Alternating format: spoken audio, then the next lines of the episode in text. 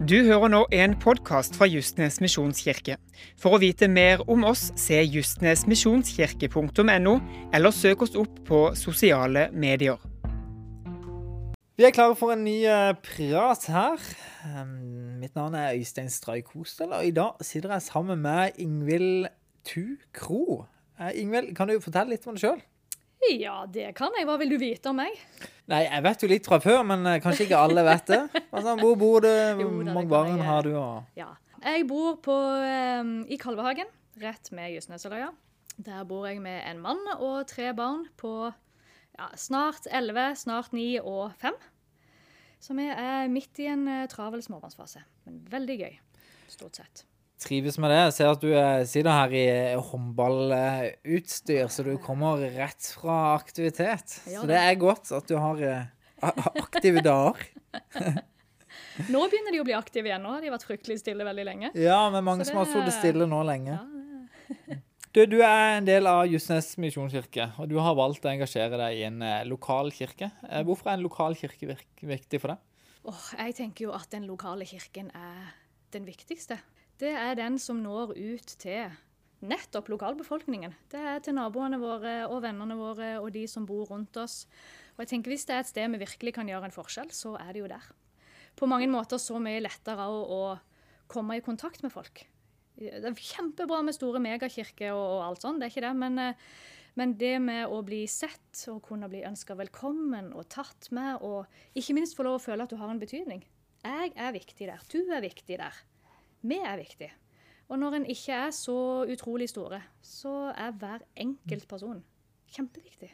Så bra. Så godt å høre. Så er det jo med, med blikket og med smilet vi møter de andre med, vi kan vise til dem at de er viktige. Og visjonen vår er et hjerte for Gud og et hjerte for mennesker. Hvordan ser det ut for deg? Nå har du sagt litt om det, da. Men eh, hvordan tenker du at vi skal vise det? Jeg tenker du til andre folk Til andre rundt folk, ja. At vi har et hjerte. Eller hvordan ser det ut for deg? Hvis du skal beskrive et menneske som har et hjerte for Gud, et hjerte for mennesker. Ja, det er et veldig godt spørsmål, for jeg tenker det kan se ut så veldig forskjellig. Um, jeg husker uh, at jeg, jeg var faktisk på et foredrag for mange år siden der det ble snakket om kall, uh, og at Gud har kalt alle mennesker til å vise hvem Gud er. Og, og sånne ting. Og i hvert fall når jeg var ung, for lenge siden, så var det veldig sånn at det ble fort satt inn i en boks. Sånn og sånn skal du være en kristen, og sånn og sånn skulle du, skal du vise hvem Gud er. Og helst så skulle vi alle stå ned på Bryne sentrum lørdag kveld og evangelisere. Og mens jeg gjemte meg bak bordet og delte ut vafler. For jeg syns hele den settingen var så skummel. Og så husker jeg at han som hadde det foredraget, han sa men, men tenk litt. altså Hvilke gaver er det Gud har gitt deg? Og han har ikke gitt meg en evangeliseringsgave. Den er jeg ikke fryktelig god på. Men å sitte sånn som dette og snakke om meg og deg, det tror jeg jeg kan være ganske god på. Det å møte mennesker til ansikt til ansikt og faktisk snakke om de ekte, nære ting. Så da fant jeg ut at OK, da skal ikke jeg gjøre de tingene. Jeg må finne ut hvilke ting jeg er god på. Tenker jeg, Sånn er det jo i en menighet. Alle som kommer i en menighet, har ulike gaver, ulike ting vi er gode på, ulike ting som jeg tror Gud har lagt ned i oss fordi han ønsker at nettopp jeg skal være god på det, og nettopp du skal være god på det. Og hvis vi alle kan få lov å utfolde oss og bruke de gavene inn i kirka vår, så tror jeg òg at vi på en mye bedre måte når ut til menneskene rundt oss. Og så er det jo noe med å tørre å stå for det vi tror på.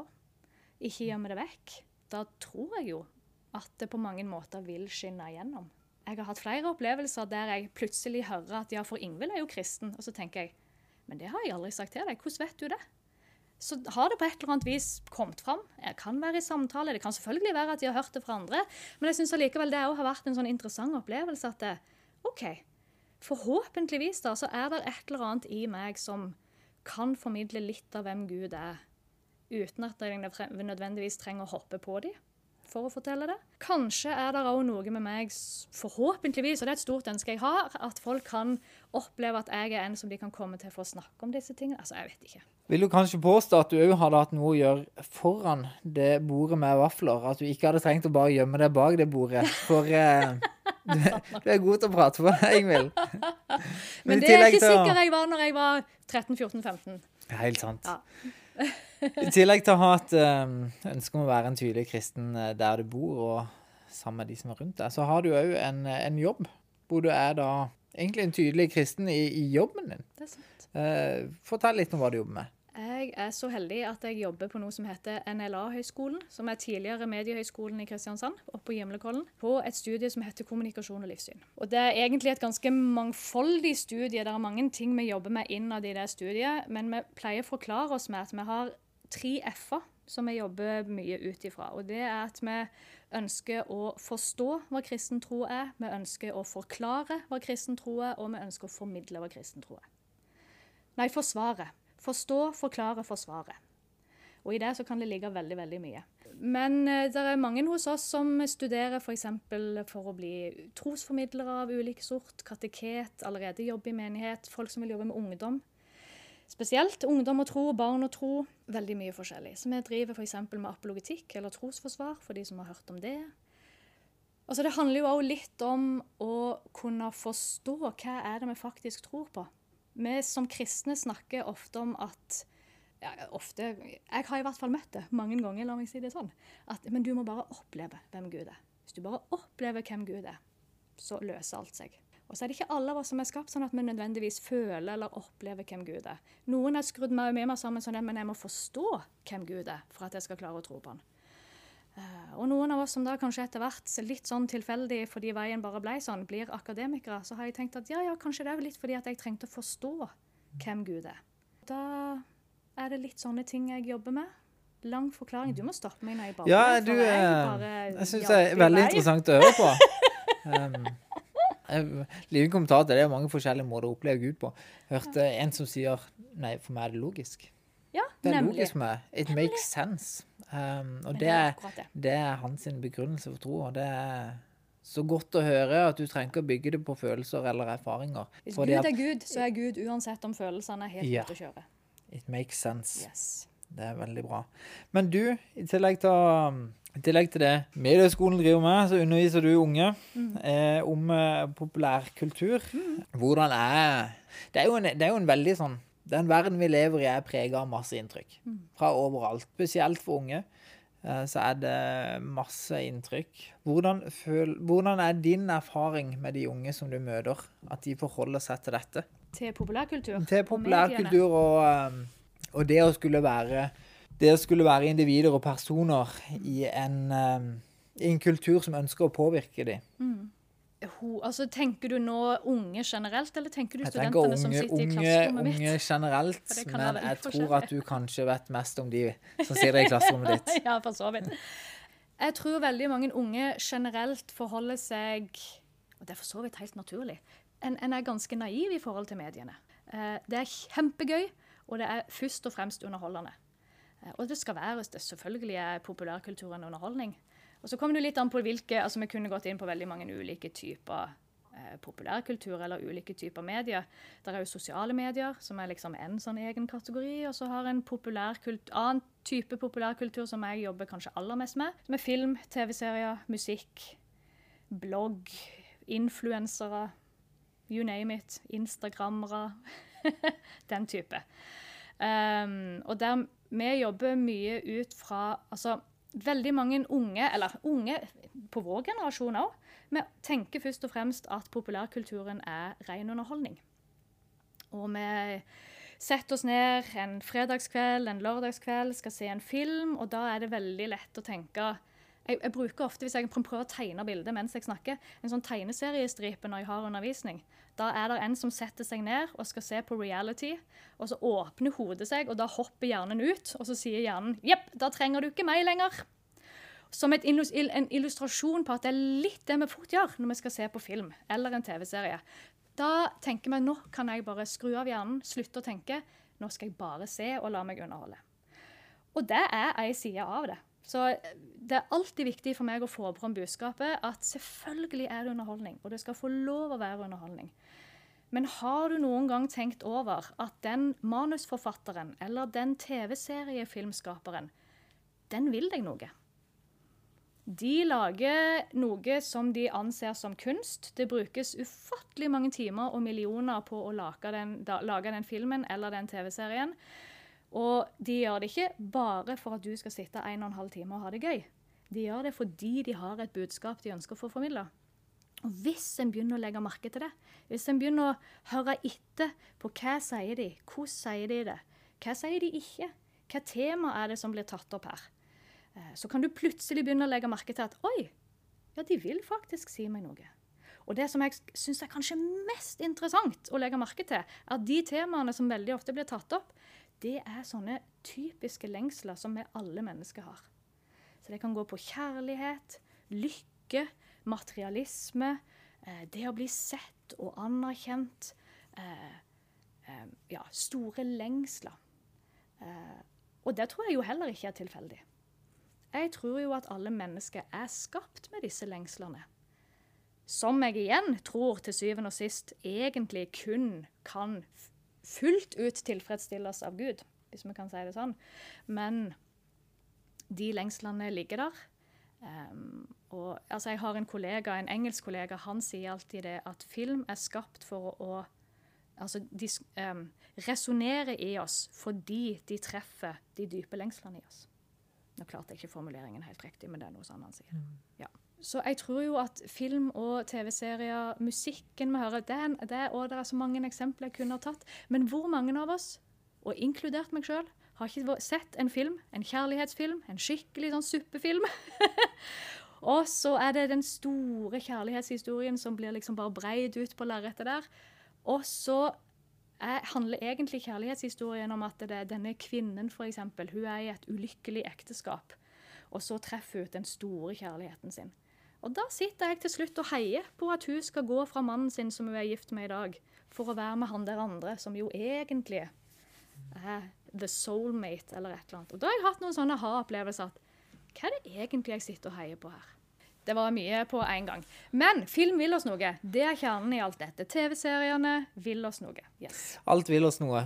Det er kanskje det er veldig spesielt med reality, kanskje, som du ser overalt nå. Mm. Overalt er det reality. Det er ulike mennesker som deltar og tar valg. Mm. Og så blir vi påvirka av dette. Vi ser eh, hvilke, hvilke, vurderinger andre mennesker gjør. Og vi kanskje tilegner oss den samme logikken eller de, de samme resonnementene. Mm. At uh, de sin logikk gjenspeiler vi. Så det å kanskje ha et, som du sier, et uh, bevisst forhold på at de som lager en film, vil noe. Mm. Ja, kanskje de som deltar i en realityserie, òg vil noe. Mm. Og Så må vi ta stilling til ønsker vi også. Så gjenspeiler det. å være en, en, del av det, eller uh, ha de samme holdningene mm. som de vi ser på. Det er et uh, stort, uh, stort emne du er inne på. Um, hvordan ser du på å være som, som foreldre mm. for, for ungdom? restriktiv eller ikke restriktiv på ulik populærkultur? Der tror jeg jeg eh, sikkert for mange er restriktiv, særlig når det kommer til sosiale medier. Der holder jeg igjen. Og det eh, mener jeg òg det fins gode fysiologiske, biologiske grunner for. Fordi at jeg mener at barn ikke er modne nok til å håndtere Altså for de som møter ingenting motstand der, så er det sikkert mye gøy. Og det er kjempemye gøy med sosiale medier. Kjempeunderholdende. Og for mange en arena å utfolde seg på. Eh, men for de som Altså, det er noe med modenheten òg for å håndtere og ikke få likes og ikke være den mest populære. og ja, Det er en del sånne ting som gjør at jeg har holdt igjen på akkurat det. Uh, når det gjelder film og TV-serier, TV og sånn, så ser vi på det aller meste. Jeg er ikke noe sånn at det, eh, du får ikke lov å se på den type film. Vi prøver stort sett å holde oss til aldersgrense og sånn. Der er jeg litt mer sånn, uh, ja. Jeg er jo der at jeg tenker at Gud har skapt oss for å leve i denne verden, ikke gjemt bort fra denne verden.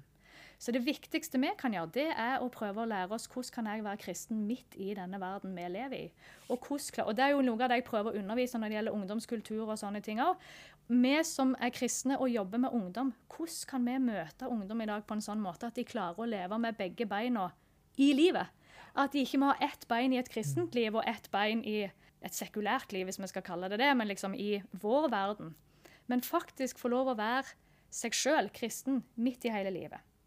Og mye av det vi da jobber, eller vi bruker sånn uttrykk som heter dobbel lytting. Og det øver jeg meg på av og til med ungene. Med å lytte til hva sier Bibelen, lytte til hva sier filmen eller TV-serien. Og så kan vi sammenligne dem. Og så kan vi holde dem litt opp mot hverandre. OK, denne TV-serien sier dette, eller formidler dette, eller dette. Vi så eh, f.eks. Vaiana. Den har jeg sett sammen med ungene flere ganger. Og en gang så, så snakket jeg med Nå husker jeg ikke om det var hun eldste, eller hvem det var.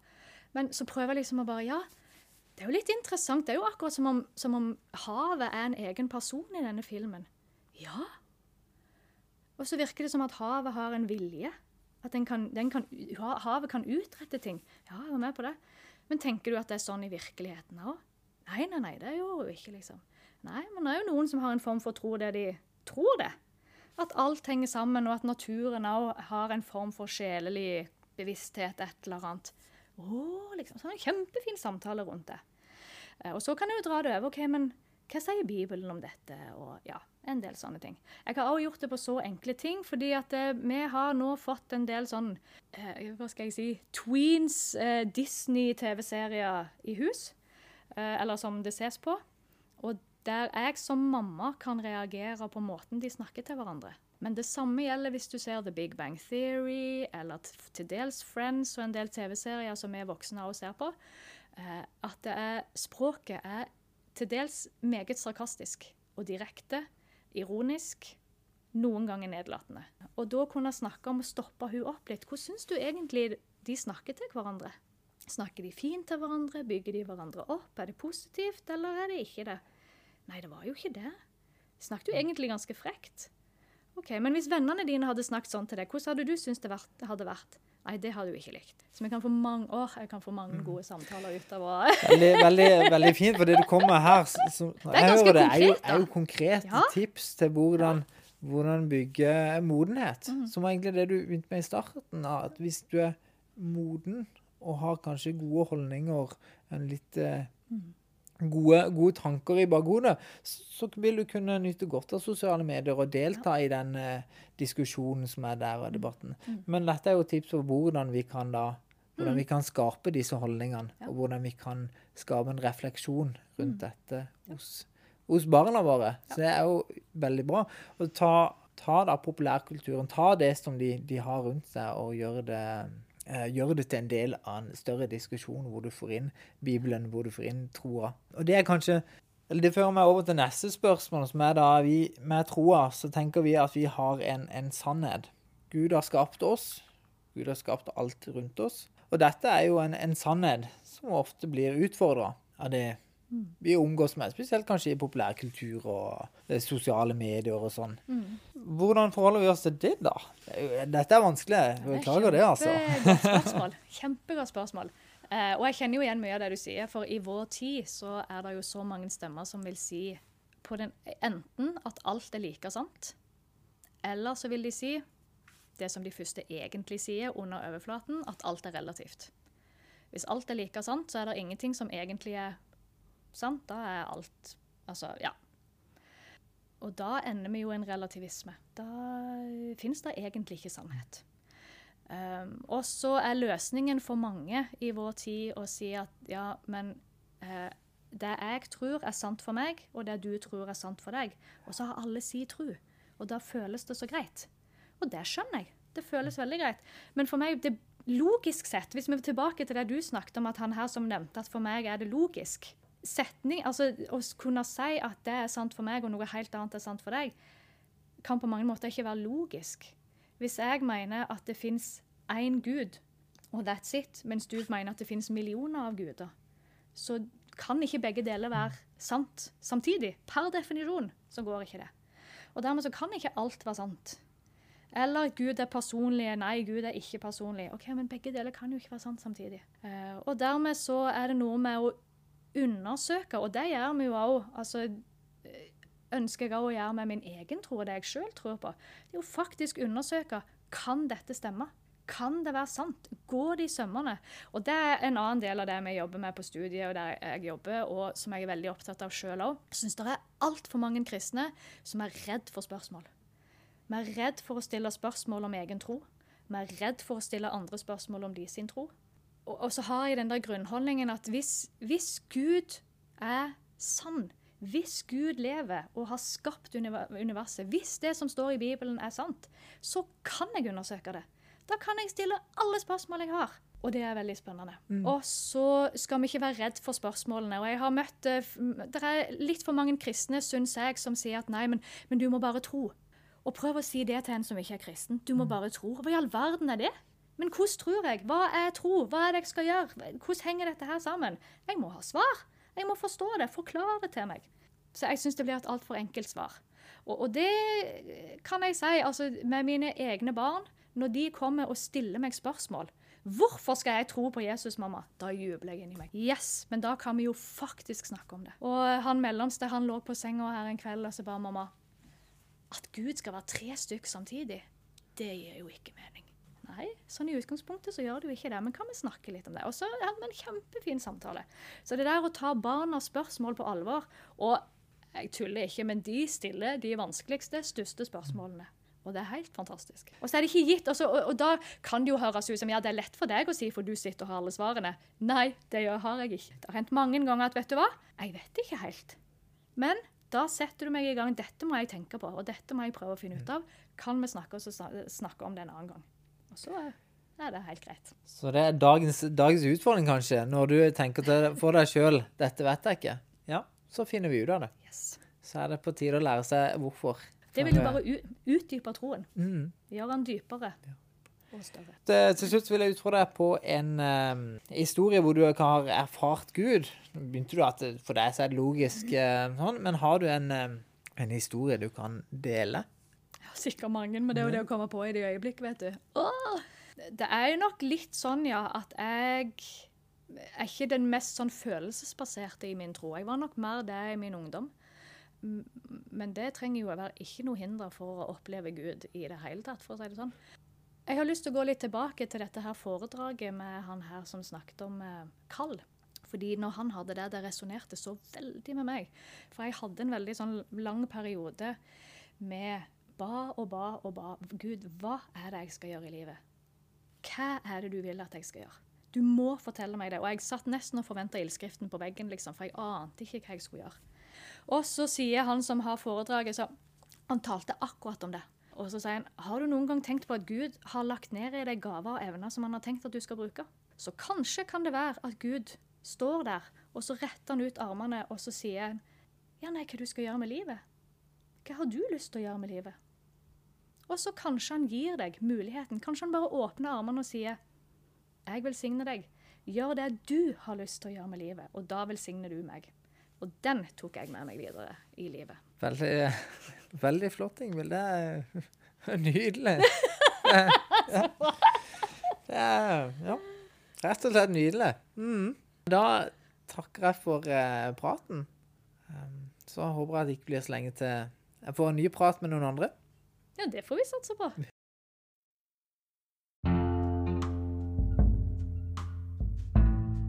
Du har nå hørt en podkast fra Justnes misjonskirke.